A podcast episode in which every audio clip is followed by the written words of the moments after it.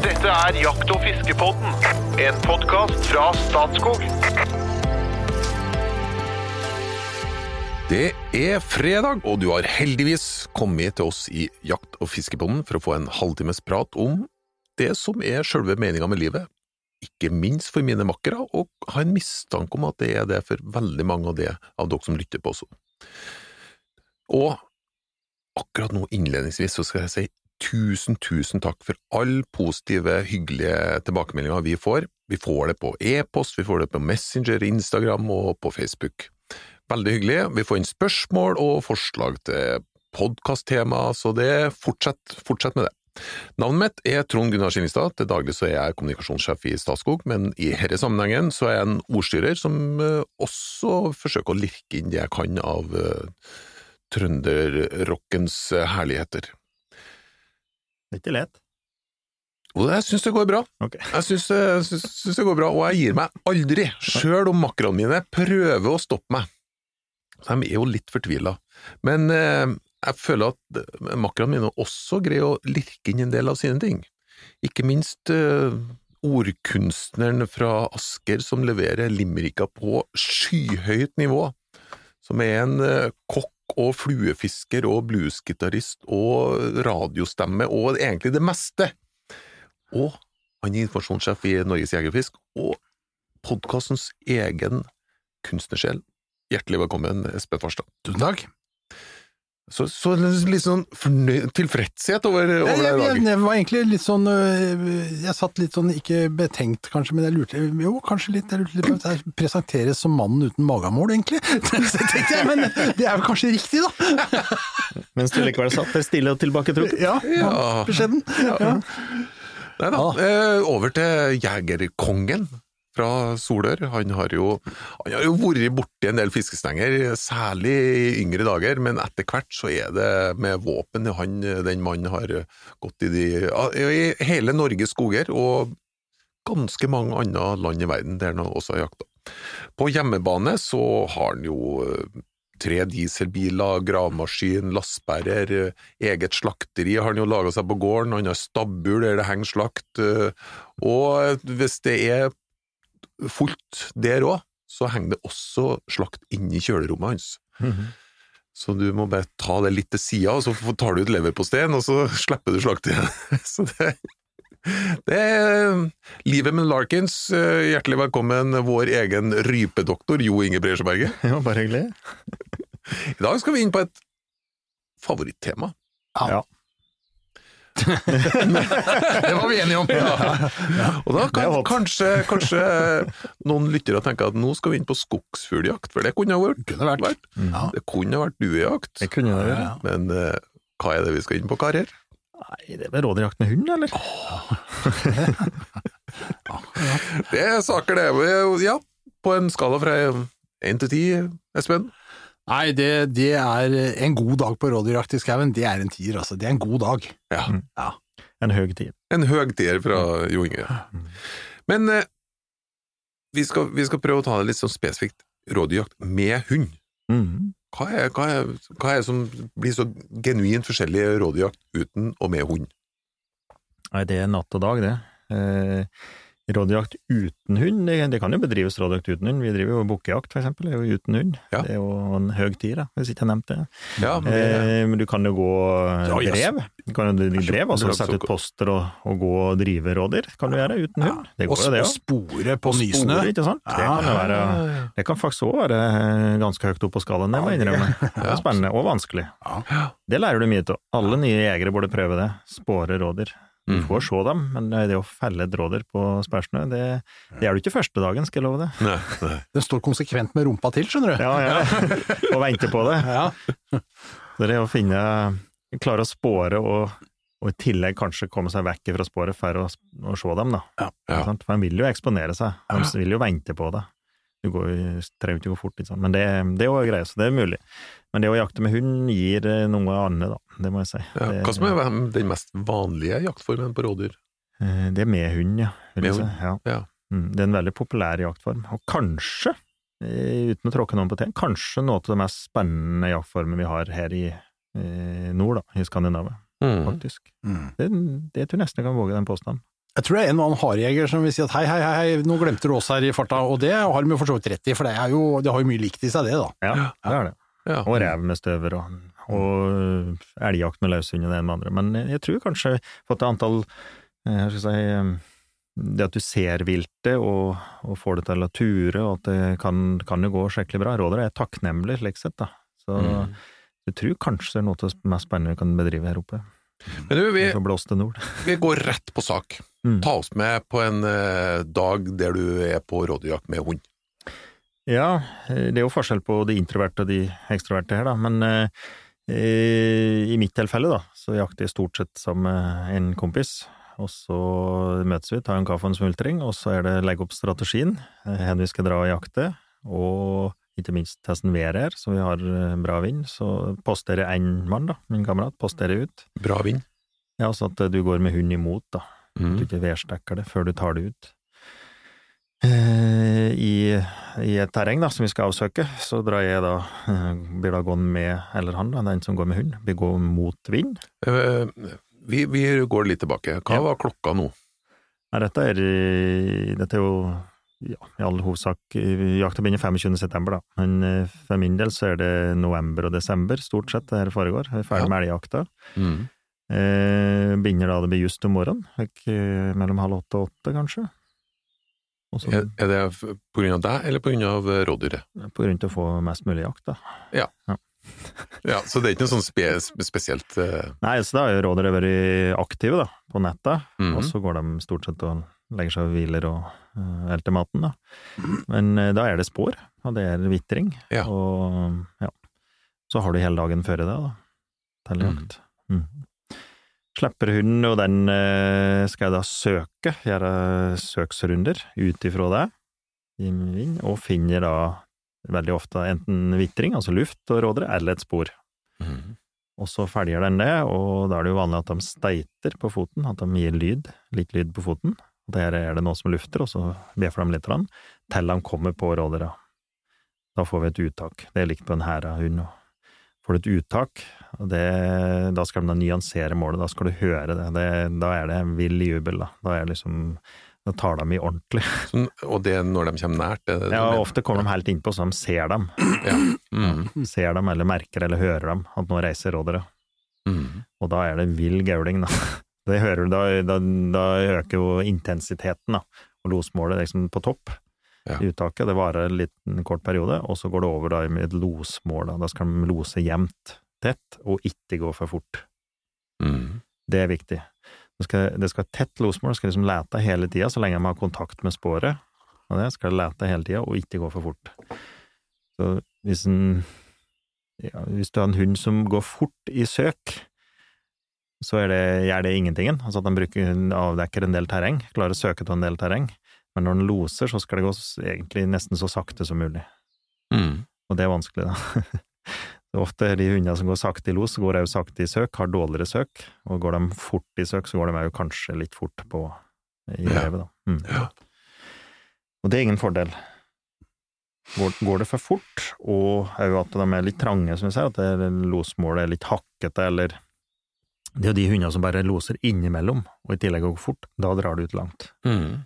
Det har jeg opplevd, at det, det kan dra ut skikkelig langt, for da blir rådere usikre. Så lenge du har den gneldrebikkja som går veldig sakte, og som leter i hele tida, så har de full kontroll. Ja, så de føler seg trygge, de bare forflytter seg Ja. jevnt og trutt. Ja. Hvor, eh, hvordan eh, er det er det poenget da at du skal ta ut rå- rådyret, eller har du nå en kamerat en eller annen plass som skal ta ut rådyret? Hva er liksom planen her nå? Nei, planen er jo, det, er jo hun som finner og tar ut rådere, hvis det er det du tenker på? Ja, Ja, men eller- nå skyter, tenker du. Ja. Og, og skuter, ja. Ja. Nei, det er eh, vi, vi klarer oss jo stort sett å være to, da, men da det er jo da, om det gjelder han da, som er plassert på post, så står vi på en post som rådere da stort sett passerer i det området. Når du har tatt dem ut, så kommer de i los, så kommer de veldig ofte på Dette er erfaringsbasert, da. Ja, så det- du har sjekka det der tidligere, du. Ja. Og vært ute og kikka blant annet på spor, for eksempel. Ja, det er egentlig nok å slippe råderhund, og så gjør du deg erfaringer. Det er Ja. noen områder de alltid søker opp. Eh, De er lett for å gå i tetter, og så der det er litt tett. Eh, Gammel skog er de ikke redd for å gå i, litt åpen gammel skog. Og så er det, er det ofte like veksler, da. Og så setter det i, i høgstflat eller noe, så har du noe tettskog mellom høgstflat, for eksempel, så kommer de jo der. Ja. Altså det er noen, dette er erfaringsbasert, da. Men har du jakt i rådyrstand, så klarer du ganske fort å se hvor det rådyra kommer. Kommer du bare for uerfaren, så vil det bare se ut som en skog, men du vil Mm. veldig fort skjønne det, da. Flate kanter, for eksempel, kommer langs høgstflater. Mm. Så det er ikke meninga primært at du som fører hund eh, skal skjøte rådyret, det er primært den som er på post? Begge to. Det er begge to. Okay, begge to. Ja, for det, det er jo det som er da, når du har en hund som da driver med tett mål, og driver Ja. sakte, så vil disse rådyrene begynne å bukte. De vil gjøre ringer eller åttetall, de vil, Ja. vil bukte i terrenget ditt, da. Ja. Og det er, det er jo det du prøver å oppnå, at de ikke reiser ut, at du hører losen, da. Og så Mm. ligger rådyra bare rett framme av hunden. Og da har de en tendens til å komme tilbake til start, altså tilbake til uttaket. Mm. Og der er jo det hundefører, da, som regel. Den eh, posten, vi har jo radio, da, så posten kan jo forflette seg. Eh, vi, når ikke vi er flere, da, så kan jeg flette på, eller den fletter på seg. Vi driver litt aktivt, da, at vi steller oss på at det drar ut feil retning, da, for eksempel, og begynner tur i feil retning, så fletter vi den posten, da. Mm. Og så jeg som hundefører går da stort sett etter. Mm.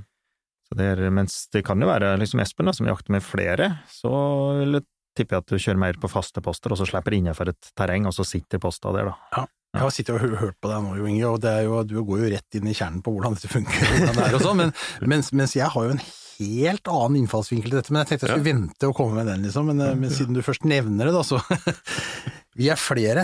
Jeg, jeg vil rykke tilbake til start her, sånn. Eh, Det er omtrent der hvor du satt med smultringen. Mhm. Der, eh, der samles vi på et gitt sted i jaktterrenget, og vi er jo da en fem-seks mann. Eh, og noen kvinner innimellom også, heldigvis. Og da for Fordi at for oss er rådyrjakt med hund en veldig sosial jakt. Det er, det er kanskje noe av det viktigste her, at dette Ja. er en veldig det er en hyggelig greie. Mhm. Så vi starter jo hver rådyrjakt med et bål. Dere introvert og ekstrovert. Ja, altså, vi, vi, ja, men vi starter jo, vi starter jo med et bål, og, Ja. men, men det har jo en hensikt. Altså, det ene er at, eh, at folk kommer jo slengende litt sånn eh, dann og vann, eh, men sånn pluss-minus. Det det er ofte kaldt om morgenen, for det er jo, som du sier, det er jo november-desember dette er sånn. Det skal helst være rim på bakken eller litt nysnø, det er fint. Og så fyrer vi bål, og så bruker vi den tida rundt bålet til liksom å ha det hyggelig, og planlegge jakta. For vi er så mange at du, vi må jo ha sett ut folk på poster. Mhm. Dette har vi jo etter hvert i terrenget vårt godt koll på, og vi bruker også WeHunt, som for øvrig er en medlemsfordel i Jeger og Fisk, eh, hvor, du, hvor du da eh, på en app eh, har merka inn alle postene i terrenget, sånn at vi veit at folk går på riktig sted, eh, og vi plasserer folk ut etter en Vi ringer inn et område eller der vi tror at dyra skal gå og sånn. Eh, og og vi, vi tar en kopp kaffe og sånn før vi starter og går ut. Men når vi da setter ut folk på fem-seks eh, poster, så driver ikke vi og flytter for mye på de postene uten videre, i hvert fall. Det kan tenkes, som du sier, hvis Hundefører kanskje fletter seg litt, da. Hundefører følger jo gjerne litt etter, Ja. men, men eh, postene prøver å sitte stille, og så noen ganger så hvis vi ser at nei, nå drar det liksom nordover, så kanskje vi omposterer litt. Mm. Men eh, hvis jeg skal være helt ærlig, all erfaring tilsier at det nesten alltid er nytteløst, for du, du er nesten alltid på bakfot i forhold til, ja. til dyra her. Det er mye bedre å sitte stille, for plutselig snur det, og så er det der allikevel. Ja, og det som, det kan gå fort, da. ja, det som ut, oppleves som langt unna, liksom når du sitter med dette her på peileren og sånn, det er liksom 500-600 meter, herregud, det er jo ikke noe for når hvis det først bestemmer seg og snur, ikke sant? Så, men eh, det krever jo tålmodighet, da, der er vi jo litt ulikt utstyrt, har jeg, kan så, men, eh, men i bunn og grunn så er det, der, det er mye, så det er veldig mye rundt det sosiale der, da. Men ellers så foregår det jo sånn som du sier når vi da først slipper. Eh, og så er det jo avhengig av eh, terrengets beskaffenhet, og ikke minst hva slags bikkje du har. Mm. Det, det eh, og her, dette skal vi nå vel sikkert komme inn på, hva som er eh, Det er eneste rette. hva som er det eneste Ja, ja, ja, ja, Nettopp, ja. ja, ja, for her, ja, akkurat, det er riktig. Nei, men det er jo krav, da. For å ta det først, så er det liksom maks boghøyde på 41 cm. Ok. Mm. Og det gjelder eh, både, både Ja, bikkja. Og det gjelder både på hjort, rådyr, gaupe, rødrev og hæra, faktisk. Nei, ikke hæra, beklager, rødrev. Eh, nei, ikke rødrev, det er Nei. gaupe Du kan bruke drivende hunder, da, på dette her. Også på rådyr og hjort, da er det maks boghøyde på 41 cm. Ja. Og det er for at de ikke skal gå for fort, da. Sant? Mm mhm. Eh, og da er det jo en del arter som eh, ekskluderer seg selv. Vi kan ikke bruke støvere, eksempel. Vi vil jo ikke at eh, herrestøvere våre skal drive rådyr, for de er flinke til å jage og sporneie og kan gå veldig fort. Mm. Så det er som grunner til det. Da er det jo noen raser som skiller seg ut, da. Og vi kommer sikkert til å trå noen på tenn her, men eh, hvis du skal liksom ha et sikkert kort, så er det dags eller drever, da. Og det er noen som bruker beagle, og det er flere basset-hunder som kan brukes, og òg ja, tyske jaktterrier, for eksempel, kan brukes. Sikreste er eh, rett og slett å kjøpe seg en dags eller en drever. Det er litt etter et terreng du har, men eh, det virker jo, da. Uansett. Og for, kjærlighet, for kildekritikkens skyld nå, så skal jeg opplyse at Jo Inge Bresjeberget, han har dags. Ja. Da kan vi få lov til å fortsette. Men, mens vårt lag jakter med drever. Ja, så. Så der har vi, Hva som er best da, Espen? Nei, altså det, det var, Jo Inge var inne på det. Altså, du, du vil, det kommer litt an på terrenget. Altså, Hvis du har et terreng hvor det kanskje er litt eh, bratt, og det er litt lenger mellom rådyra, det, altså rådyrtettheten ikke er så stor, så vil du jo ha en hund som søker godt. Mm. Og da vil en dags kanskje komme litt til kort, eh, fordi du ønsker en, en hund som søker litt videre og fortere finner rådyr. Da. Ulempen i andre enden er at du blir, eh, du blir veldig fort kjent i geografien i området, og vi snakker prestegjeld, for du leter etter den der dreveren som okay, drar okay. ut. Og det Ah. er altså Det kan være ganske Jeg vet ikke hvor mange uker jeg har sittet på post og venta på disse her dreverne. Så du er glad i at den er, at den er ivrig, at den er flink, alt, og så driver den kanskje litt hardt, og så ønsker du deg en dags i andre enden, liksom, for den vil jo da søke litt trangere, men til gjengjeld heller ikke drive dyra ut. Så det blir Det er, det er umulig å gi ett svar på dette. Ja. Ja. Men, men eh, som vi sier, det, det tryggeste er å kjøpe en av dem, da, vil jeg si.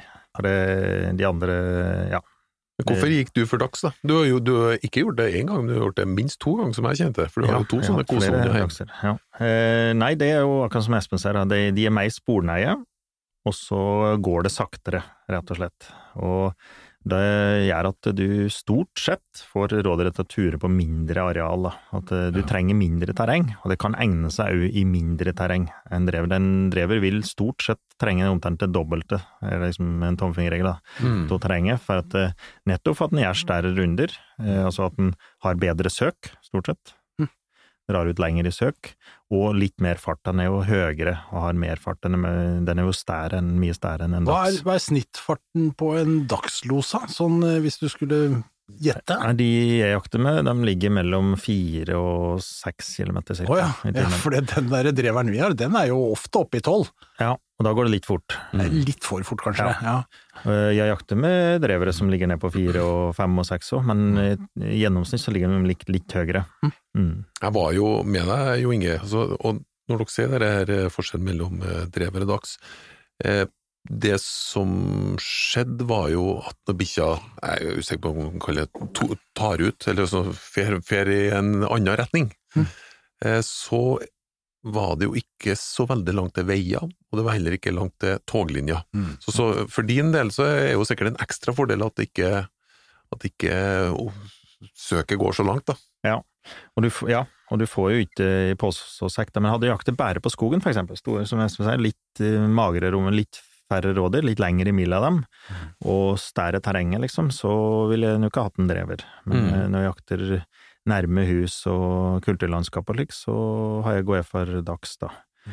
Og det som Espen sier, en del av dem kan jo, kan jo drive litt fort og litt langt, og det, det kan fort dra ut Mm. langt, da, for at rådyret blir stekt og reiser langt. Eh, Mm. Det er en ulempe, for da blir det mye venting, og det blir ikke så effektivt. Og òg det med en dags, den kan du faktisk springe opp. Ja. Jeg skulle prøve å springe opp en rever som springer 12 km Å, jeg har prøvd mange ganger, det går ikke! og hvis du kommer innpå, så glefser han etter deg òg, ikke sant? Sånn at det er jo Og hvis han ikke vil la seg fange, så, så klarer du ikke det, altså. Jeg har prøvd. Men en dag, så klarer du stort sett å springe opp, da. Og det er jo en kjempefordel altså, når du skal fange den. For, for det, vi har ikke pratet, pratet så mye om det, da, men eh, jeg vil òg nesten våge den påstanden. Hvis jeg generaliserer litt, da, så er ikke drivende hunder ikke de som er mest dressert. Det er utpreget at de kanskje er litt har jaktlyst litt over snittet, og ikke når jeg er veldig interessert, altså. Ja. Ja, det er altså den jaktlysta, den er, den er helt sjukelig, altså. Det er, ja, jeg har nevnt det før, de kommer inn på Skaraføret med blodrødt underliv, altså, og det stopper dem ikke. Ja, og dagsavskurer buken, da. Det ser jo ikke pent ut, vet du, men de bryr seg jo ikke, ikke sant. Helt til du tar den inn, da, og liksom, da roer seg ned, da er det helt, da er det slekt, liksom. Men så lenge de jakter, så bryr de seg ikke, ikke sant. Men, men vi, vi, vi har hoppa over et eh, element her i, i progresjonen her, fordi at um, vi har ikke snakka så mye Jeg sa at vi bruker WeHunt, Mm. men, men det er, dette er jo en jakt som etter hvert har blitt ganske teknologisk også. Mm. Jeg må si det jo, Inge, for at det, vi har jaktradio, sånn at vi Mm. kommuniserer oss imellom, eh, og kan sende meldinger og sånn, selv om man skal være litt forsiktig med det, for jeg tror jeg, jamt over så er det overdreven bruk av jaktradio, altså det å prate i terrenget, dyra hører godt, og det, ja, du, du blottstiller deg der. Det, men, men jaktradio har vi, og så har vi normalt da en, eh, en eh, peiler på bikkja, som du har i en håndholdt sånn eh, Garmin-enhet som de fleste bruker, eh, eller en annen variant, og da ser du hvor bikkja er, Mm. GPS. Mhm. Ja. Og det skal jo selvfølgelig ikke misforstås med å si at du, du sitter jo ikke og ser hvor rådyr er. Bare, det er jo en klassisk feil. Du følger bikkja. Eh, Det er for øvrig en, en annen sak. Når du sitter og hører losen komme, så vil du eh, Det er helt naturlig at du fokuserer på der hvor losen er. Mm. Men det er også feil, vet du, for at det, det er, dyret er jo ikke der hvor losen er. Bikkja kan jo være minutter bak. Ja. Så, så du Ja, dette er jo sånne klassiske blemmer da på post. I tillegg til da Garmin, så har man da fått denne WeHunt-enheten som mange bruker, som også er en litt sånn derre eh, eh, peiler på bikkja som går på telefonsignaler, altså så du har den på mobiltelefonen. Og da har du inne bikkja i sanntid og kan se hvor fort den går og alt mulig sånt Mhm. All denne, all denne teknologien spiller jo inn. Det ene er at du, alt dette skal samspille når det er seks mann som samles på bålet om morgenen, og du får ikke teknologien til å virke. Det tar tid, vet du! Ja. Mm. Men, men det er jo ikke tvil om at det er lærerikt. For eksempel, du sa at det er erfaringsbasert hvor overgangen i terrenget er og sånne ting. Mm. Dette får du jo dokumentert på dette, ikke sant. Du kan jo se eksakt hvor Ja. dyra har gått. Men når du står på post, Espen, eh, hvilke klær har du på deg? Altså, er du, er du så kamuflert som mulig, eller skal du gjøre deg til kjenne for dine Jeg er ikke opptatt av eh, kamuflasje i det hele tatt. Det Nei. spiller ingen som helst rolle. Klær etter hver. Ja, de, rett og slett, altså, gå på post, ta på seg tørt tøy, for at eh, vi har litt sånn bratt terreng, at du går opp ei li eller et eller annet sånt, Mm. bare få på meg noe tørt, noe vindtett, eh, gode sko på beina, eh, jeg bruker en sånn eh, elektrisk varmevest, jeg som er litt eh, halvt engelsk og pysete i oh, ja. forhold til kulde. Nei, jeg bruker liksom, ha, gode votter, altså er godt kledd liksom, og, sånn at du kan sitte stille. altså, Og det har, er det det handler om. har du sånn vest med batteri og varmetråd? Yes. Mm. Cool! Ikke sant? Ja. ja, ja. ja. Og så kjøper jeg sånne poser eh, Ja. uh, som, du, som du rister litt med Yes. sånne jernsulfatgreier som, som du kan putte nedi vottene bare for å liksom For du blir jo kald på fingertuppene og tæra, ikke sant? Ja. så bare Men hvor sånn. lenge greier du å sitte, sitte i ro? Det er når jeg akkurat kom fra hjortejakt på Vestlandet, hvor jeg satt fire stive timer helt stille under en duk. Jeg holder jo på for å gå, men, men, men jeg innser at jeg må, og da gjør jeg det. Ja, ja, Ja, og det, og det handler, så, så kamuflasje er ikke viktig. Hvis du sitter stille, så kan rådyret stille, rådyra det er jo det som er greia. Da kan rådyret komme på en meter skjold, altså. Det er ikke noe problem. Mm. De ser bevegelse, greit, men eh, de, de Lukt og bevegelse. Ja, luft og bevegelse, men Mm. de ser jo ikke ellers ser de ikke veldig greit. Så Nei. står du bare helt stille. Jeg bruker å stå bak et tre eller bak en liten gran, eller så har litt dekning, ja. så står jeg på post, stort sett. Mm. Og det så lenge du står rolig, da, og så tar jeg opp bæsja når rådere ser på, tilbake på hunden, eller at de ikke er oppmerksomme på meg, tar jeg opp bæsja så er jeg klar.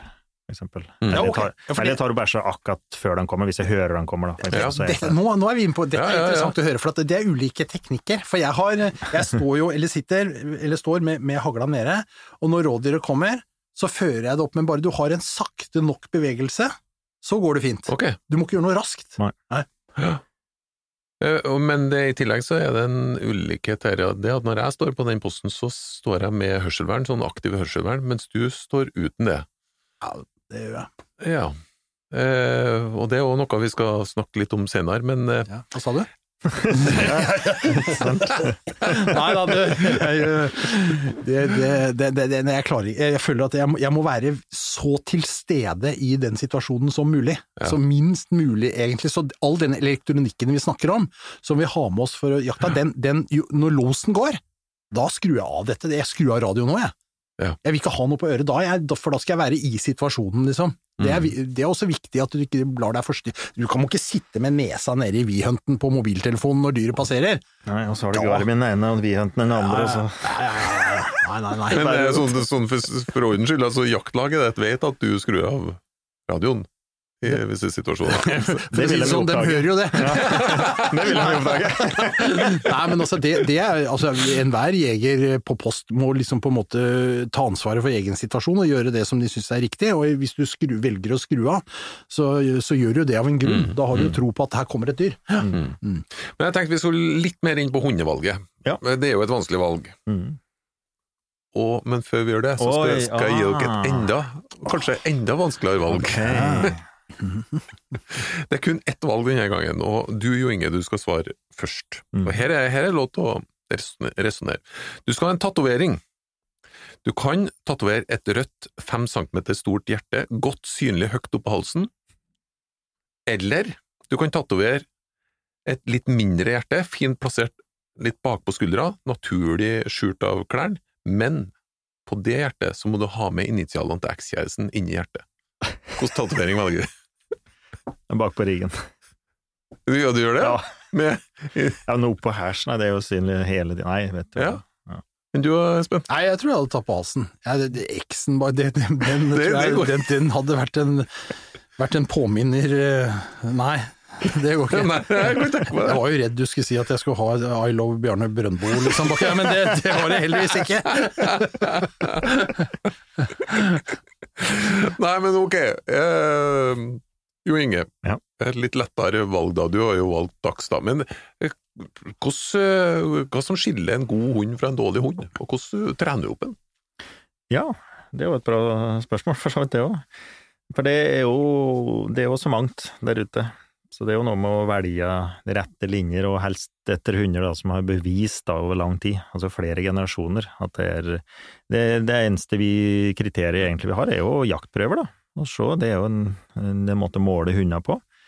Og jaktprøven ligner jo ganske mye på ordinær jakt. Altså en drevprøve ligner veldig mye på ordinær jakt. Du har med deg en dommer ut og går i et terreng, og egentlig oppfører deg som om du er på jakt.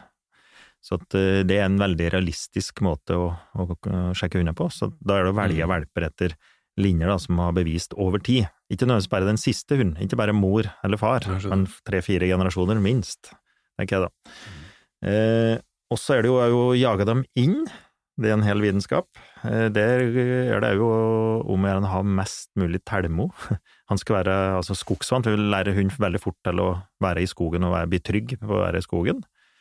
Og så har vi, ja, mange, de, vi har noe som kaller ettan-metoden. Du skal kjøpe en snusboks med ettan, og så skal du sette deg på en stubbe, og så skal du ete opp den, og så skal du gå hjem igjen. Da skal hunden drive på Du skal ha ekstremt, på. La ekstremt tålmodig. Ja.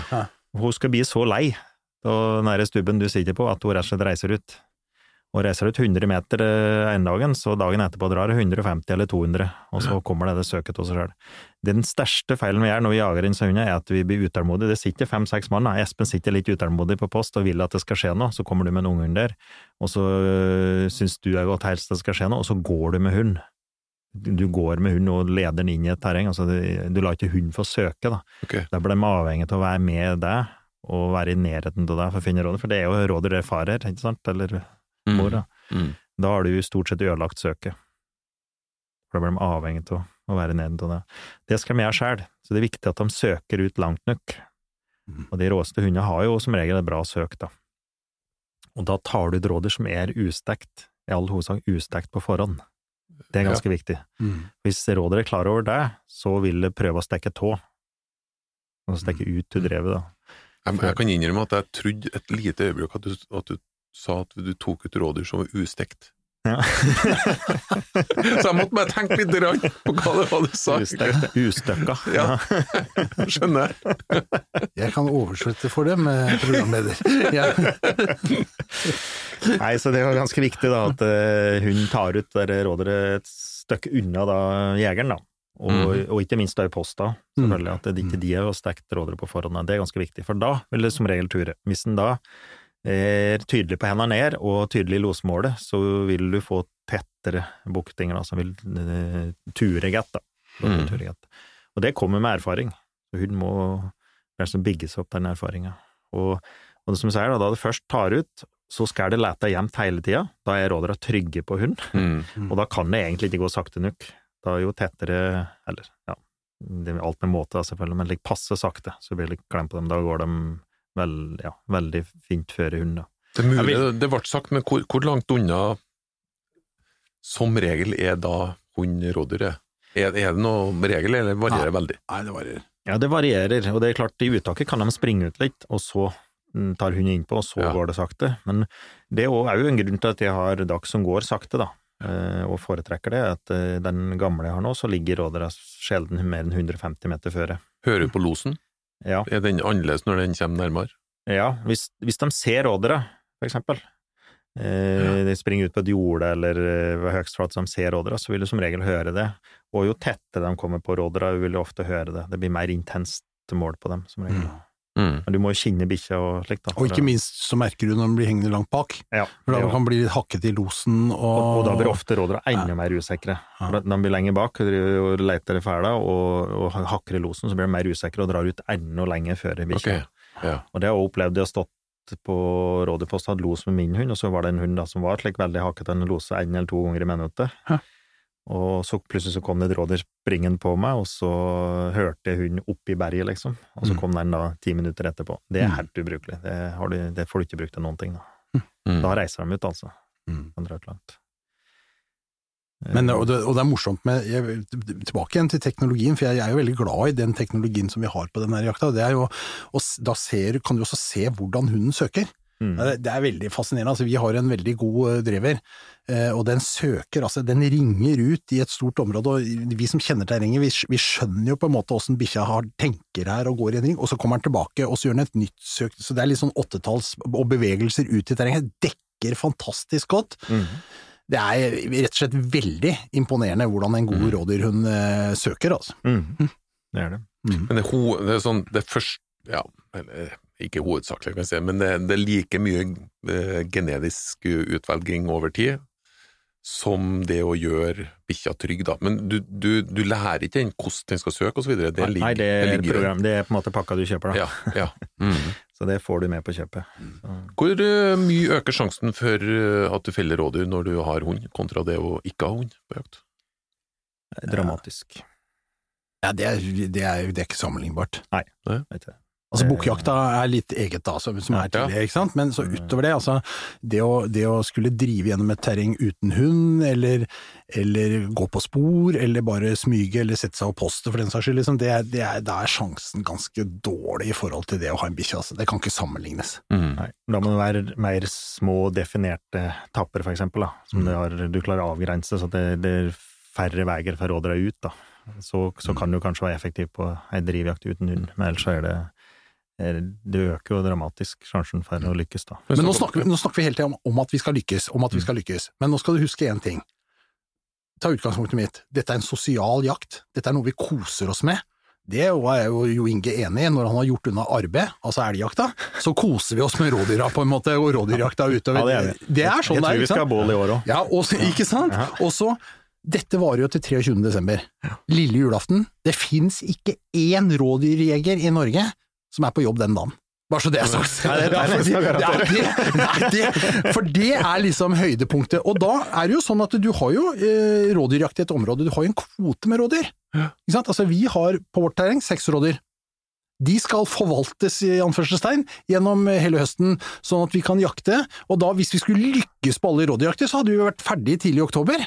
Mm. Mm. Måtte Gud forby, ikke sant? Mm. Så, så, det, så det er helt greit. Og den optimale Jeg har jo en liten limerick om det, tror alle- faktisk, når jeg tror- først er inne på det, da. Tror alle je- rådyrjegere har hatt et rådyr lille julaften. Ja, og det er eh, rådyrfelling som vi kjenner det, har jeg kalt den, da. En matteflink jeger fra Snellingen, han hadde ansvar for rådyrtellingen. Han hadde på nota ett rådyr igjen på kvota, på lille julaften ble det orden på den fellingen. Mm. Sånn er det nemlig! Ja. Og så er det noen som mener at rådyrjegere er dårlige til å telle, at de teller 1, 2, 3, 3, 3, 3, 4, 5, 6. Men, men, men den vil ikke jeg gå på, for jeg tror folk flest oppfører seg ordentlig også i forhold til dette. Men, men det er bra å ha igjen eh, et rådyr eller to til, eh, til slutten, og det gjør jo ikke noe om du ikke feller hele kvota heller. Nei, ja. Men, men det, vi forvalter jo en del rådyr, vi òg, og det er jo mistenkelig mange som blir felt lillelørdag aften. Det må jeg si. Så, så det er en viss grad av sannhet er det nok der. Ja. Ja. Eh, Men eh, hvis man har lyst til å jakte rådyr, for det første, hvis man har lyst til å prøve det på en måte, nå skal jeg legge ballen på straffemerket igjen. Ja. Da Eh, finnes det jo en landsdekkende organisasjon som har lagt til rette for akkurat det. Ikke sant? Det har vi med interaktiv i Skulle ikke Jeger og forundres. Fisk. Ja. Ja, så det er bare, egentlig bare å gå Men det er jo eh, trygghetsskapende egentlig, å, å kunne være med, Ja, det er veldig, være med og folk. på Irak, det er ypperlig egnet som en introjakt, fordi at du kan mega. sitte to på en post. Mm. Det gjør ikke noe, bare du sitter stille nok, liksom, og, og du kan lære masse, og du er en del av et sosialt fellesskap, og alt er, eh, det, det er liksom, det er som skapt for en Mm. opplæringsjakt, Mm, ja. Så, så Det er ideelt, faktisk. Ja, våre introjakter eh, på njff.no, der er en kalender på førstesiden. Kan du gå inn og søke rådyrjakt, så smekker det opp en masse tilbud. Mm. Mm. Du skal ikke spørre om det forsker noe på det da? Eh, Er det, er det forska noe på det? Ja, det er jo faktisk det. Ja. Ja, Jo Inge, fortell! Jeg prater med, I Sverige har de drevet mye med det, da. Det blir ikke forsket så mye på rådyr i dag, faktisk. Men det er gjort en del på rådyr-gaupe, altså eh, predator- og byttedyrforskning Ja, i Norge. Og så er det gjort mye grunnforskning på rådyr i Sverige. Veldig bra forskning. Ekstremt bra. Så for de som er interessert, så er det mulighet til å finne. Det er oppsummert i ei bok, Rådyr, vilt og jakt, eller noe. Liberg og Håkan Sand. Ja. Olof Lyberg. Ja. Kjempebra. Kan anbefales til alle rådyreiere. De må lese den, altså. Mhm. Eh, Men- men- og men- prater, ja. Når du sier Sverige, det, det, har jeg lyst til å peke på noe, for i, i Sverige så feller de en 110 000 rådyr eller noe sånt. Ja. Og vi feller altså et par og 30 000. Mm. Og det er litt naturlige grunner, for det er med, de er litt lenger syd. Det- det er litt mer rådyrland. Det, det er litt mer rådyrland, ja, Mm, ja. rett og slett. Men, men eh, de har også et litt annet forvaltningsregime på rådyr. Mm. Rådyr inngår som en del av småviltdefinisjonen. Ja. Så hvis du kjøper småviltjakt i et område, så følger det på en måte med rådyrjakt. Det er fri avskyting på rådyr, da. Mm, ok. Uh, Uten at det har vært noen utfordring i Sverige, og det er mange som diskuterer om det kunne vært en modell for oss også. Ja.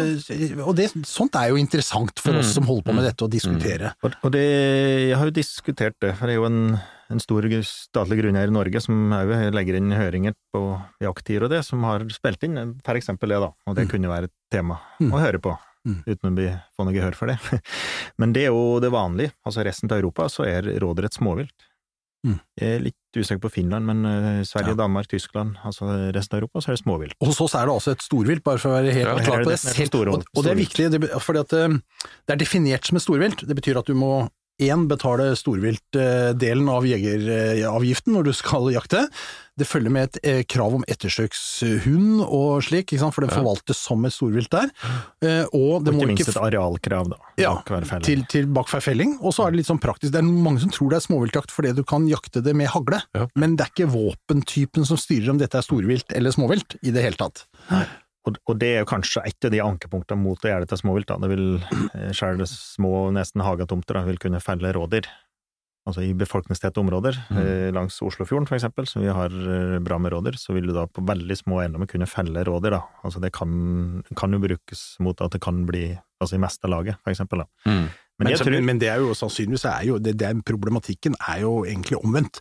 Altså, jeg som bor i Asker, som er et villatett område, ikke sant? her bor det altså eh, titusener av mennesker, ganske tett, eh, og det er masse rådyr. Mm. Og det er mye sånn der hage, eplehagerådyr, ikke sant, og sånn småteigrådyr, som med fordel kunne vært tatt ut mye flere i de nedre områdene av kommunen, mens der hvor man har store skogsarealer, liksom der hvor folk går på ski oppe i Vestmarka, der eh, tildeles det jo rådyr, men der er det jo ikke noe særlig rådyr om vinteren, for den trekker ned i hagene. Ja. Hvem, Hvem er det som er bestemmer hvor mye som skal ut, da? Hva sier du? Hvem er det som bestemmer hvor mye som skal ut, og på hvilket grunnlag? Men I sjuende og sist er det jo kommunen, det er et arealkrav bak hver fellingstillatelse. Mm. Og så er det da laga et område, et utmarkslag eller en eller annen eh, organisering for å samle areal. Hvis du ikke har stort nok areal sjøl, så samler du arealet, og så søker du kommunen om fellingstillatelser. Mm. Og så setter de et minsteareal, så får du fellingstillatelser ut ifra det.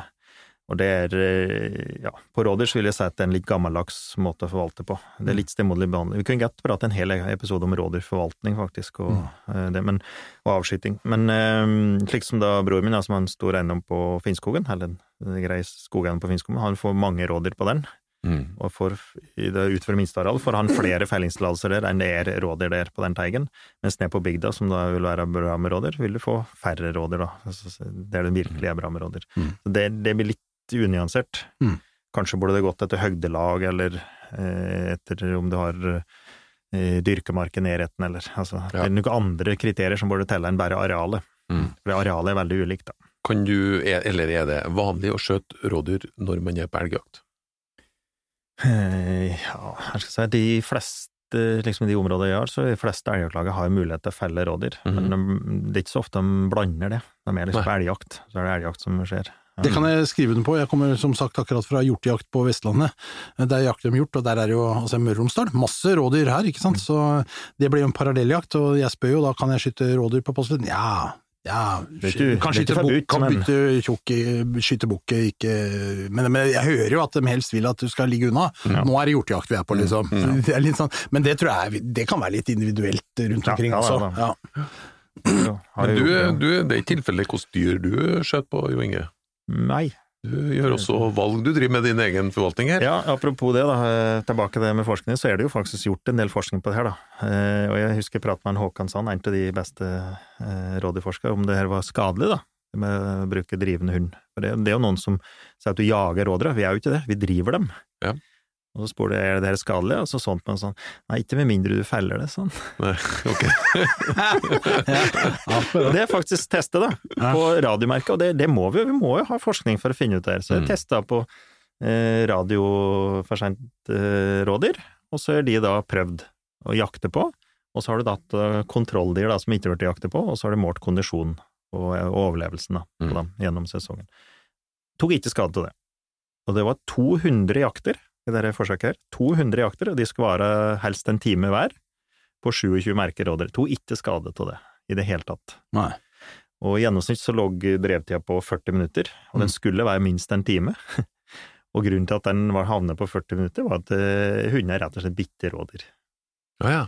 Nesten halvparten av tilfellene så bitter hunder rådyr. Ah. Du slipper på å ete kjelling, så kommer du ut en bukk i ende, liksom. og det var litt rart, ikke sant? Det, og det jeg tror veldig mange rådyrjegere som ikke er klar over det.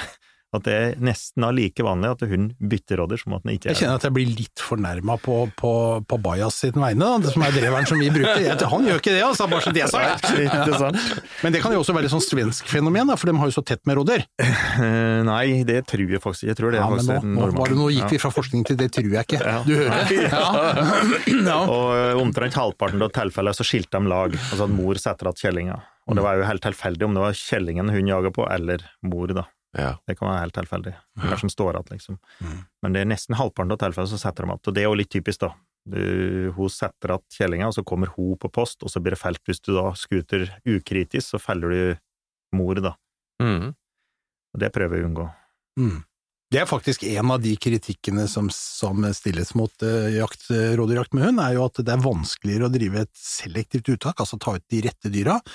For det, det, er jo, det, kom, det, det, er jo ofte raske situasjoner, en drivende situasjon, og det der med å spare geit, eh, som kanskje til og med har kje, den, det er ikke alltid så lett. Men det, og det, det tester jeg med på, da, forskjellige avskytingsmodeller. Og Ja. hvis du da holder deg til å skute kalv, altså kjellinger som vi kaller dem, da, så kan du ta ut opptil opp til 80% av det du skuter, kan du ta ut som kalv uten at det påvirker bestand året etterpå.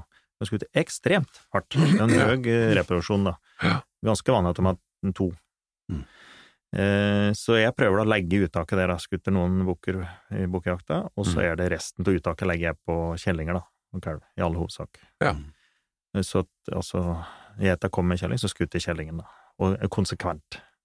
Har du, gjør dere noe sånt, Espen, eller? Ja, vi prøver jo akkurat det samme. Ja. Eh, Helt, eh, helt parallelt, men, men jeg understreker at det er, eh, det er lett å teoretisk gå inn i dette, og så er praksis der ute kan være litt annerledes. Jeg, jeg, ja, det er, skal ikke, det er jo ikke noe krise, eller slik. Nei da, det er ikke det. jo de fleste altså, Rådere har jo de er begunstiget med at det er milde vintre og forholdsvis lite gaupe, så rådere klarer seg jo bra om dagen. Det, det greier stort sett greier tetetere, og da er av og til feller ei ett, så er ikke det noe Det er jo ikke noe krise ved bestanden, slik sett. Men jeg syns ikke det er noe kjempelett å se forskjell på ku og kalv, men eh, på størrelsen Ja, på Råder og altså Ja. kjelling?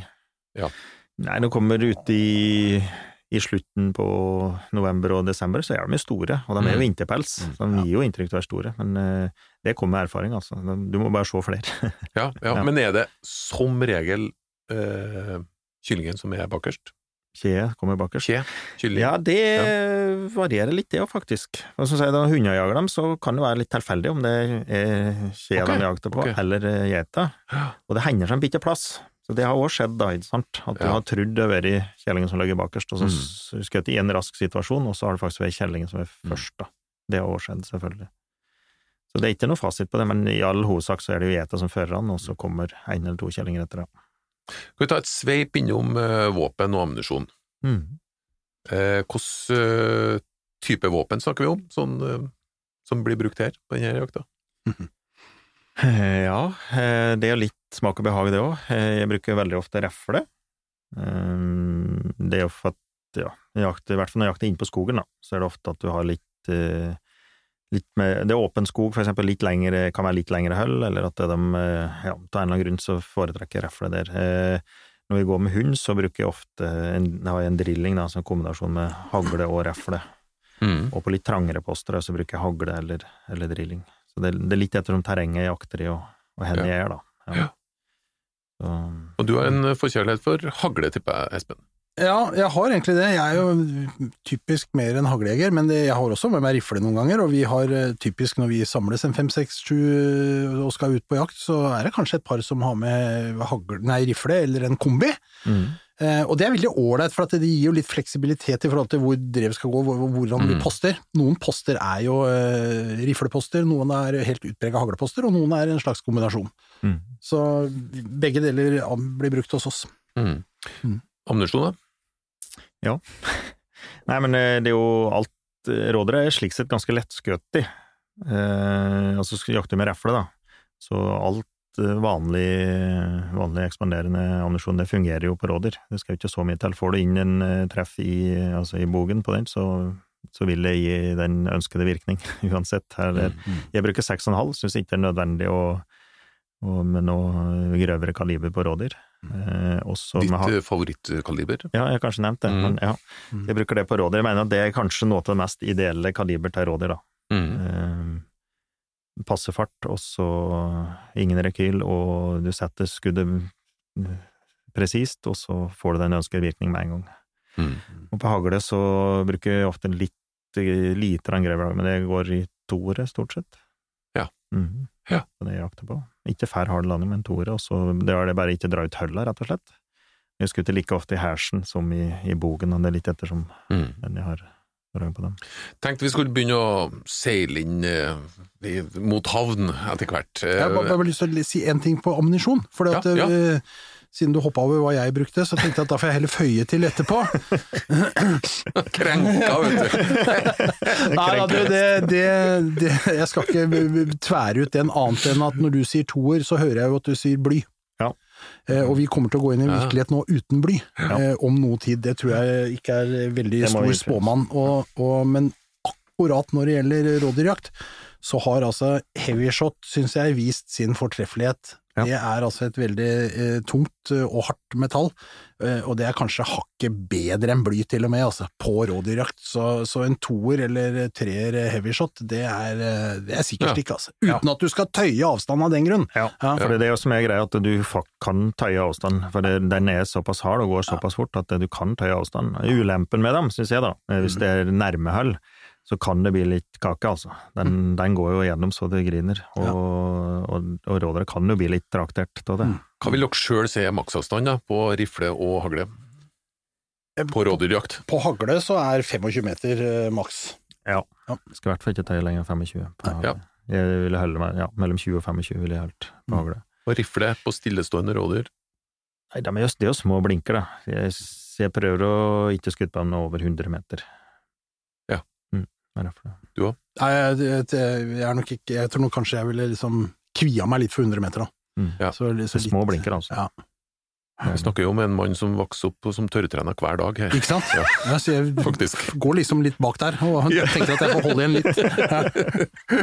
Men jeg skal, utfordre dere, før vi går feider helt ut, så skal jeg utfordre dere på noen, noen siste råd liksom, til lytterne. Men eh, jeg har et eh, tips sjøl som jeg tenkte dere skulle eh, komme litt inn på. For av og til så forteller jeg til noen eh, det trikset jeg har lært av en Jo, jo Inge, nemlig å koke halsen på rådyret. Og leggene på rådyret. Mhm. De fleste det er nesten ingen som har hørt om, egentlig, som jeg snakker med. Hva, gjør du det, Espen? Nå skjønte jeg ikke hva du snakka om engang. Nei, du, du, ja, eh, mange mang tar eh, Jo Inge skal forklare det ordentlig etterpå, fordi at eh, jeg, jeg, jeg får det jo bare. Eh, halsen på rådyret får jeg fra Jo Inge, kan jeg si. mm. Heil. Mm. Mange tar og så skraper kjøttet og meler det opp, og det, fordi at det er, mye, det er mye forskjellig der. Det er mye sener og hinner og greier. Eh, jeg putter det opp i gryta, Mhm. koker det i la oss si fire-fem timer. Ja. Det blir det nydeligste Ja. kjøttet og Ja. den nydeligste krafta. Å, det blir så godt! Ja. Og så slipper du alt det nitidige arbeidet, og du får mye mer ut av slaktet. Det Ja. samme med leggene. Nå har jeg jo egentlig gått gjennom det rådet sjøl, men det, det, det vil jeg egentlig bare fremme til lytterne. Hvis dere ikke har prøvd det, og det kan man gjøre med elg og hjort og rådyr, Ja, ja. og sikkert mye annet. Mhm. Kjempegodt. Mhm. Nydelig. Absolutt, jeg er Kan helt enig. Jeg gjør akkurat det samme. Eh, Og, og dette er jo det som når du er på en fin restaurant og bestiller lammeskank, Ja, ja, så er det jo akkurat dette. Mm. Poenget er at her er det jo masse brusk og sånn som i utgangspunktet er veldig seigt og vanskelig, så du må bare koke det lenge nok, sånn Yes, at du det- bryter ned dette. Yep. Og, og idet du bryter det ned, så ut kommer det kraftig smak Veldig og mørt kjøtt. Ja. Det er riktig. Og det er jo bare, det er jo bare å sette den til dagen etterpå. Han stivner kan jo bli gelé, liksom. Jo, ja. Det, det er jo fett og det der eh, brusk og det som er løst opp, ikke sant? Og den er bedre dagen etterpå, som regel. Ja, ja. Syns jeg, da. Jeg. Da har smaken satt seg ordentlig. Så være med noe på dagen. Det er helt mega, altså. Ellers så, du hadde jo et eh, råd inni det med, med bål. Jeg er jo alltid en tilhenger av bål, så Ja. hvis man har uh, mulighet til det. Det skal vi det er- prøve i år. Ja, ja. Ja. Men du båler ikke på post? Nei, Nei, det går ikke på rådyrjakt. Det Nei. går på elgjakt. Ja, på elgjakt det hender seg nok det med unger, men uh, ja. Nei, vi skal ha bål i år, ja. Ja, ja. Noen annet småtips som vi skal slenge med på tampen her? Nei, vi, vi, vi bruker få på pukkelen når vi prater om, vi prater om stående fuglehunder, så kommer det her, for ikke har du ikke pratet om støtende fuglehunder, for eksempel. Eh, Det er jo noen som vil da si at du kan bruke støtende hunder her, og det kan du faktisk, det er jo lev. Labrador, Hva er det for noe? Labrador eller forster eller noe, som driver da veldig kort tid, og som bare dytter dyra ut ur en tapp, for eksempel. Så Så har en liten eh, skoghelm ute på, med mett åker rundt, så kan du gå inn med en, med en støtende hund, da. Eh, Det er faktisk da, å bruke, men de skal jo ikke drive hunder, nei, rådere, de skal ikke henge etter. I Sverige vet jeg krav om maks fem minutter, og det det er langt på en forster, for eksempel. Da, Ja. Så det er ofte problemet å begrense men, men det er fullt mulig å bruke det, og det fungerer. Jeg har vært på det i Danmark, for eksempel. Veldig vanlig der å være, å bruke støtende hunder. Og i Sverige, for den del. Mm. Kan bruke spaniel òg, for den del.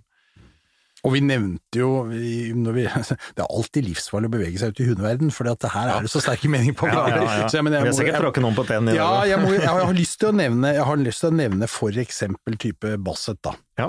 Som det er, blitt jeg vil, Jeg vil våge å påstå at det er blitt vanligere. Det er flere. Bassetter nå enn det var tidligere, og det er en sånn slags mellomting, da. Mellom en, eh, mellom en dags og en eh, drever, ikke sant? Mm. Går Så- ofte sakte og har veldig bra mål. Ja. Kjempebra mål på dem. Oi, For ja, de er- mye volum. Den, den er jo en hund som er på, ja, på størrelse med en drever, egentlig. Ja. Og har, har mye volum, så det blir veldig bra los på dem. Men, men jeg våger fortsatt påstå at det sikreste kortet er å velge Ja, en striår dachs eller en eh, drever, da. Dachs nå eh, kommer fra Tyskland. Ja, det gjør de faktisk. Det er en av de eldste rasene vi har. Mm. De er veldig spornøye, og ble brukt eh, når det var slike store parforcejakt og slikt, altså det var store eh, for adelen, de eh, rei på hest og jakte rev eller eh, hjortevilt, eller måtte være. Brukte støverer og altså store langbeinte hunder. Når de tapte sporet, så satte de på dagse, for de er veldig sporneie. Ja. Så fant de att viltet, tok det opp igjen, og så satte de på støverne. Okay, okay. Ja, ja. Og, så det var egentlig det de var avlet for. Og så har de òg vist seg fortreffelige som hihunder, for det er korte bein på dem. Mm, Eh, Og dem er jo og dags- tøffe, da. Ja, og dags eh, på tysk er faktisk grevling på norsk, da. Altså. Ja, Ja. riktig. Så det har noe med det å gjøre. Aha. Eh, og, og drever, da, den har òg faktisk dags, så det er jo noe støvere som er blandet med en, eh, en art av dags, da. Oh, ja. Eh, så, så det er jo grunnen til at den er kortbeint, da. Hvor kommer fra, den, ja? Dreveren? Eh, den er ved Ferfini i Sverige, men eh, jeg lurer på om den òg faktisk har aner i Tyskland, og tråkker sikkert noen på tennene, jeg mener Ja. det. Og så Da, da får vi garantert høre det. Ja, ja. ja. Bassett hørtes engelsk ut. Nei, det tror jeg er eh, fransk, faktisk. Hva si? Ja, jeg tror det er fransk. si? Ja, Ja, oui. Eh, altså, de navnene det er i hvert fall franske. Jeg tror det er en, en fransk hund. Ja. Nei, men Beagle vi- er engelsk, da. Sant? Det er jo en tøff hund. På gyngende grunn så seiler vi inn i havn her nå! Helt til slutt. Det er fenomenalt. eh, Det er mye kunnskap som eh, blir lirka ut. Jeg trenger egentlig ikke å lirke så mye heller, det bare, det bare renner ut. Kjempeartig å høre. Eh, Vi skal ned for landing. Eh, Jeg lyktes overhodet ikke med å la episoden vare i halvtime, som er mitt eh, mål hver gang. Nå er vi snart oppe i det dobbelte, så derfor skal vi ta en liten hot or not før vi fader helt ut. Kjære lytter, hvis du har spørsmål, innspill til tema eller kommentarer, følg oss på Instagram, Facebook, send meldinger på Messenger eller på elektronisk post, jakt- og fiskepodden at statskog.no. Hot or not, Espen svarer først. Ja. Padle kysten av Trøndelag, hot or not? Hot. Hot. Yes. Cruise med danskebåten, hot or not? Not. Not. Danseaften med vikinger, da, hot or not? Veldig not. Not. Ok, Helt enig på alt i dag. Kortspillet Idiot, hot or not? Det er hot. Hot. Ja, ja. Fra DDE-albumet Jippi fra 2000, låta Det skulle ha vært der nå, hot or? Not, not, not. Not. Hot på begge to! Takk for følget, og velkommen tilbake neste fredag!